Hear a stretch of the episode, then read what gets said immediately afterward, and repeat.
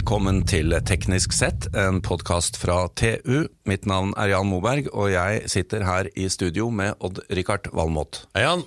Hei, Odd-Rikard. Det er godt å være tilbake fysisk i et studio. Ja, det er fantastisk. Det er uh, utrolig deilig. Ja, Hvor ofte er du i kjelleren din nå? Uh, ja, det er jo der hver dag, da. Ja, si det. Ja, nei, Fint å være tilbake. Og ikke minst fint å snakke om det vi skal snakke om i dag. fordi her er vi inne på et av eh, våre felles eh, store mysterier, nemlig å oppheve tyngdekraften. Mm. Er det. Use av gårde på sjøen. Fly litt. Nå har jo vi vært i eh, Hellesylt og kjørt turistribb Ja, på elektrisk fremdrift. det var, det var imponerende. Ja, det, det var en eh, skjellsettende opplevelse. Nå, den, men den var jo fortsatt nede i vannet, selv om Ja. den hadde en vinge mellom foilene. Nå skal vi snakke om noen som tar hele skroget ut av vannet. Og det er jo veldig hyggelig da, at det skjer mye i Norge på denne fronten. Eh, fordi vi må jo se at disse konseptene vi får fram skal, eh, skal bli internasjonale. Så vi skal rett og slett snakke med Petter Mørland Pedersen i eh, det som heter Ocean eh, Lift Ocean. Unnskyld. Velkommen, Petter. Tusen takk. Og eh, du må forklare dette, men eh, det dere lager, eller holder på med, er å lage et komplett system for å løfte eh, båt ut av vannet på foil, og dermed redusere energibehovet dramatisk. Det er helt riktig. Ja, Skal få alle båter til å fly. alle båter til å fly. Og Richard, dette Ja, det høres, eh, det høres morsomt ut, Ja. og nyttig. Men vi kanskje definerer, det er vel ikke internasjonale tankbåter vi snakker om? Nei, det er ikke det. Vi snakker eh, hurtiggående båter. Ja, Ja, og der må vi nevne med en gang at våre lesere og lyttere vet jo at det finnes en svensk båt som heter Candela, som har foiler og som flyr over vannet, og det er jo litt lignende. Men eh, Petter, jeg skjønner det slik at det dere gjør, dere skal lage systemet, ikke være båtbygger, men å lage systemet slik at det kan benyttes hos flere produsenter. Ja, det er helt riktig. Så vi ønsker å Vi var inne på tanken å begynne å bygge båter, men det er det mange andre som kan mye bedre enn oss. Eh, men de kan nødvendigvis ikke så mye om foil. Så hva om da vi leverer Vi får båten til å fly, mens de bygger båten.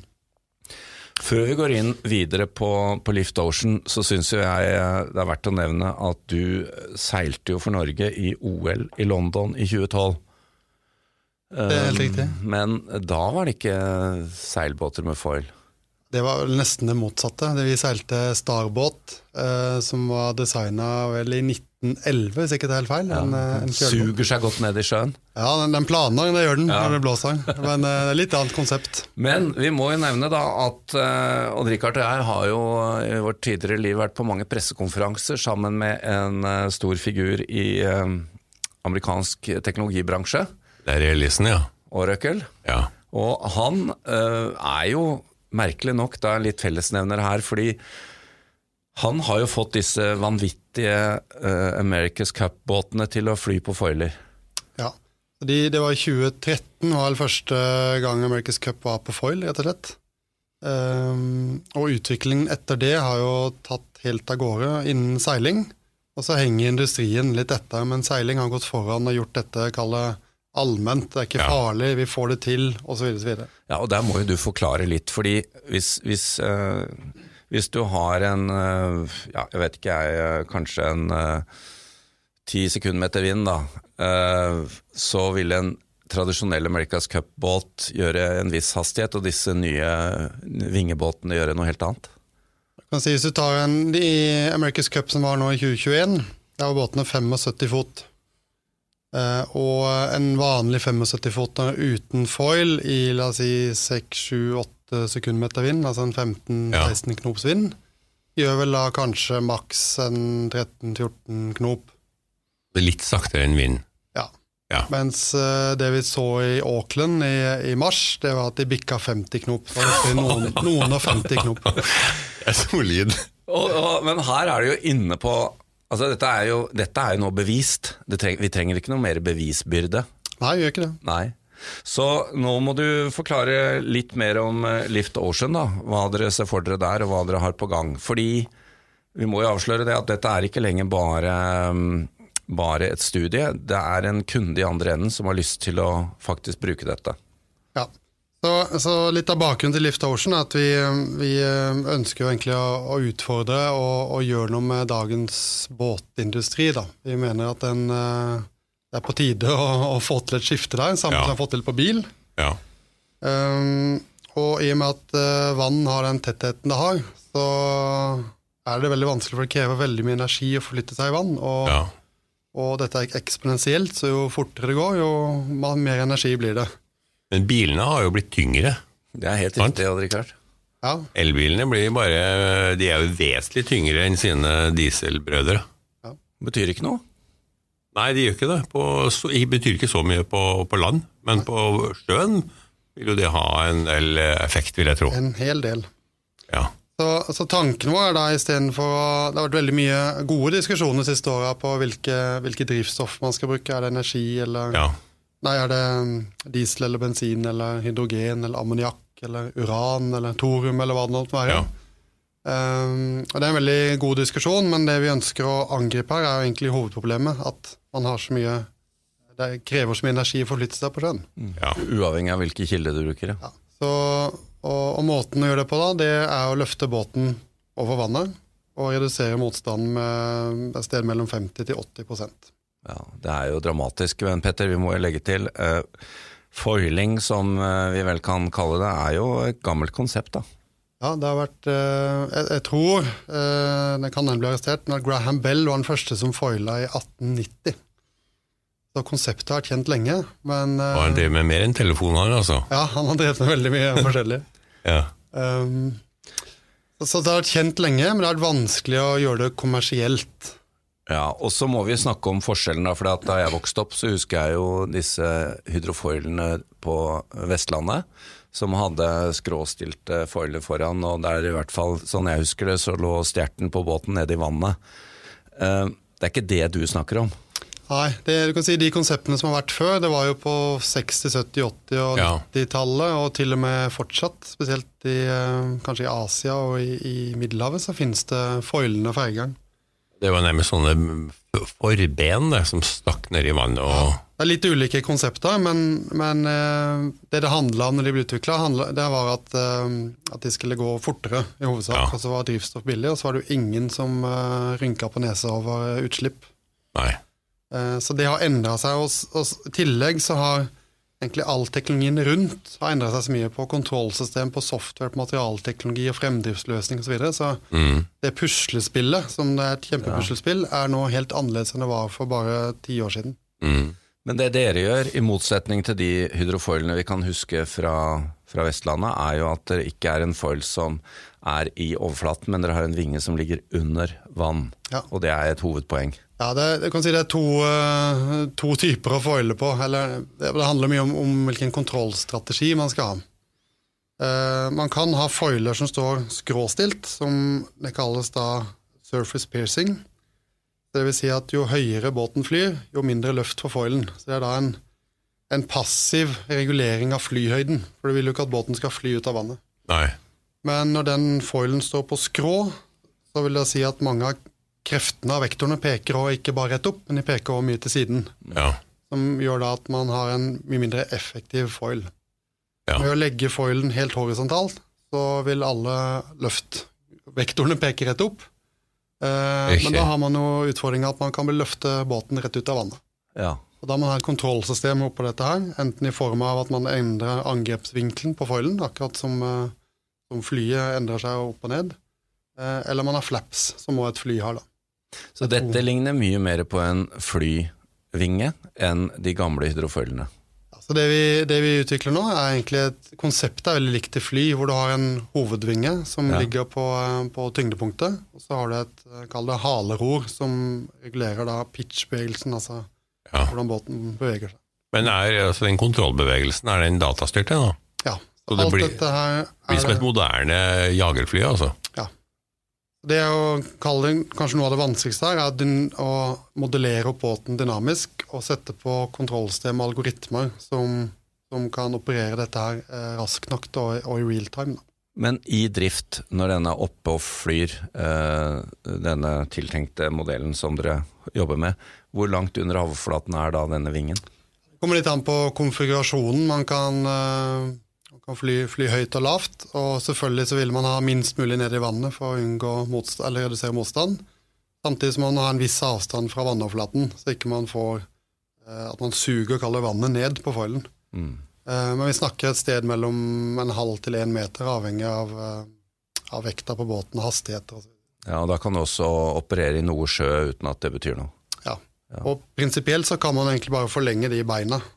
Eh, Blir ikke det her mye mer behagelig også, hvis du suser av gårde i, og, og slipper de her bølgene? Ja, Det er veldig Det er, det er, det er liksom et kinderegg, egentlig. Det er, og mer enn et kinderegg. Du reduserer motstanden betraktelig. 50-80 Eh, Det blir helt, uh, helt Eller ikke noe bevegelse. Vertikale bevegelser. De er borte. Uh, lite støy. Så da går på elmotor, men det er støy fra, fra sjøen som treffer båten. Ja. Så er det ingen hekksjø. Nei, Det vil det blir jo at, ingen, eh, du flytter jo ikke noe vann av noe betydning. Nei. Og eh, hvis man drar ut på Oslofjorden en søndag i, eh, i ferien, så eh, skvulper det fælt. Så Det- alle som padler kajakk eller seiler eller Tenker jo at når måkeskrik blir hovedstøykilden i 50 knop, så er vi, er vi kommet langt. Men vi må bare nevne, når du er inne på det, Petter, at eh, dette er jo et vinnende Altså dette er jo et konsept som reduserer energibehovet uavhengig hvilke drivstoffkilder du bruker. Det vil jo være mye å vinne her også hvis, hvis fremdriften fortsatt er diesel, eh, fossil. Ja.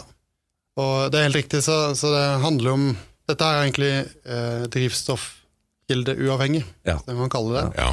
Ehm, og så ehm, kommer jo på en måte kommer hydrogen og batterier og kommer, men den korteste veien er kanskje å sette noe fossilt og bruke mindre. Så det er mange muligheter. Nå har vi, og Richard, nok en gang eh, pratet oss langt bort fra det spørsmålet jeg egentlig stilte. Nemlig dere har et behov i andre enden som er definert. Det må du fortelle om. Ja, vi eh, har inngått et partnerskap med Yinson, som er et eh, malaysisk eh, logistikkselskap i, i utgangspunktet. Eh, og i dag så er det, er det et energis, energiselskap. Uh, de er eh, veldig drevet av å elektrifisere havnefartøyene som går i Singapore havn. Singapore er vel da verdens nest mest trafikkerte havn. I Singapore havn så er det rundt 2000 havnefartøyer, mindre havnefartøyer, som suser fram og tilbake. De er gamle, de bruker mye fuel, de bråker og de lager masse bølger. Um, Så Yinson har et, eh, et veldig sterkt ønske om å, å gjøre noe med det markedet der. Og de kommer egentlig fram til sjøl at eh, skal vi klare det kommersielt, så må ting opp på foil. Og um, med den bakgrunnen så, så kobla vi oss sammen, og vi jobber nå sammen med å utvikle et eh, havnefartøy. Eh, som vi har gjort et konseptstudie på nå, og skal jobbe videre med en fullskala prototype i løpet av et års tid. Men de har altså gått inn og investert i selskapet? Jeg er investor i selskapet, Ja. har en mindre post der, og eh, er jo veldig behjelpelige og, og gjør masse i den eh, utviklingen. Men kanskje det viktigste her er at det er en, en operatør, kunde, som skal bruke båten i den andre enden. Ja. Så de, de pusher jo oss på å få dette kommersielt, bokstavelig talt, opp på fly. Ikke bare at det skal være teknisk bra. Du, er, eh, er de her båtene mindre avhengig av vektreduksjon enn andre fartøyer? Ja, de er veldig avhengig av vekt. Så eh, det er en høy korrelasjon mellom vekt og rekkevidde og, og Ja. ytelse på båten. ja. Selv om du får det opp på foil? Ja. Mm. Så det, er, vi snakker karbonskrog her nå, altså. Ja, i hovedsak karbon eh, og eller annen kompositt, da. Eh, Glassfiber. Ja. Det, det er sikkert uh, lytterne nysgjerrig på. Hvor, uh, jeg har et bilde foran meg, fys altså et bilde jeg ser på, men hvor st- store er disse båtene det er snakk om å bygge? Det vi snakker nå, er tolv meter. Ja. Så en tolv-person, tolv meter båt. Eh, og den skal gjøre litt mer enn å bare frakte båter. Den skal da kunne dokke inn til en, et skip, f.eks. Uh, så det må jo ha nok kraft til å dytte, og det er en del sånne operasjonelle krav som må kommer inn i, i bildet. Hvor, eh, hvor fort går han før han begynner å flyte opp på foilen?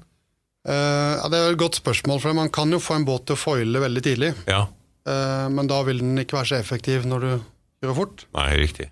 Så, Så sånn, F- hvis man da ser på at man skal ha cruise, cruise speed i 25 knop, så vil man egentlig foile så nærme 25 som mulig for å ha en effektiv i 25 knop. Jaha, selvfølgelig. Det har jeg ikke tenkt på. Um, Men eh, vi vil jo gjerne få det litt før, så vi ligger på en sånn takeoff rundt 20 knop.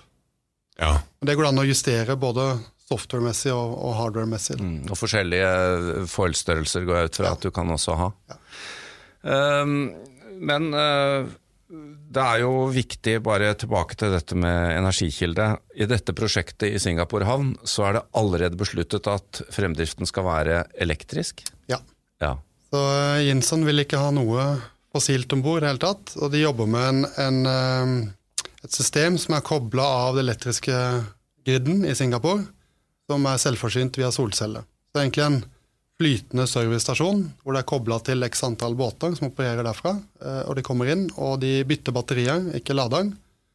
Eh, og så lader man batteriene da på denne stasjonen. Du, Nå er vi snart ved sommeren, ikke sant? og folk kjører elbilene sine til hytta, og de vil gjerne ha elbåt også. Når kan vi få det? Ja? Da snakker vi om fra 17 eh, fot og oppover. Ja, vi, eh, Vårt hovedmål nå, vi er jo en startup, så Ja. vi, eh, må, vi kan ikke favne om alt ennå. Eh, vårt største mål nå er å få prototypen opp på fly. Ja.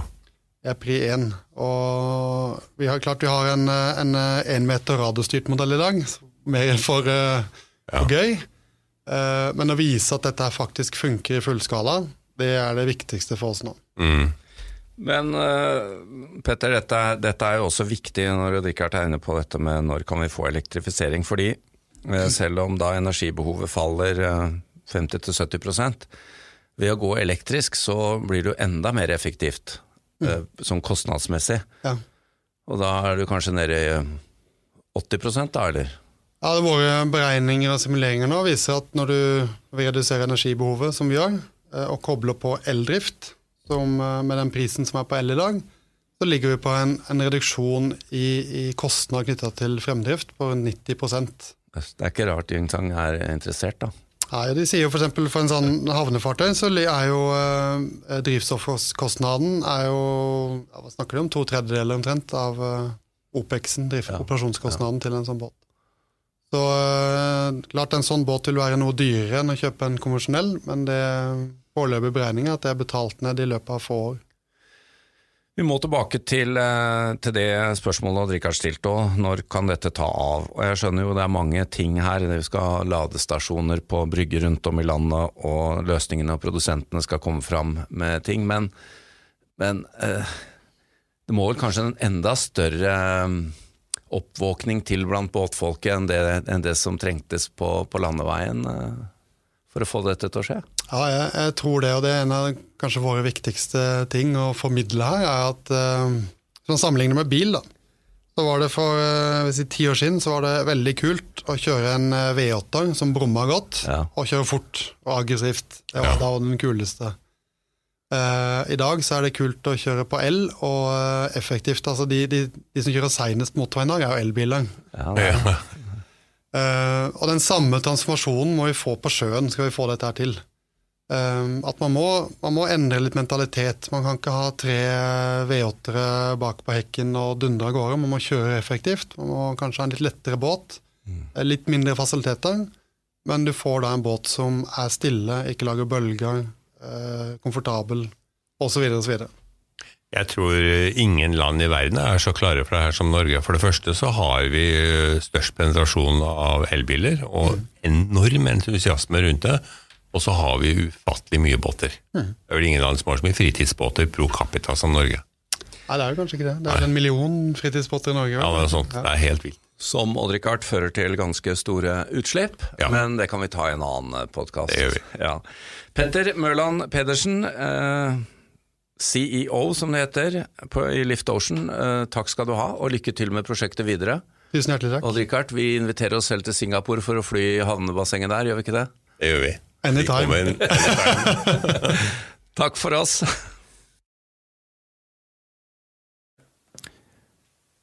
Dersom du ønsker å konsumere enda mer innhold fra oss i TU.no og Digi.no, anbefaler vi at du blir abonnent.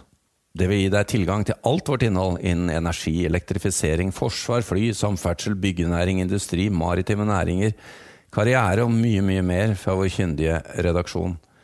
Du vil da også få tilgang til alle sakene Odd-Rikard skriver om sine 687 favorittområder. Vi har også egne avtaler for bedriftsabonnement, og som om ikke det var nok, medlemmer av Nito og Tekna for halv pris.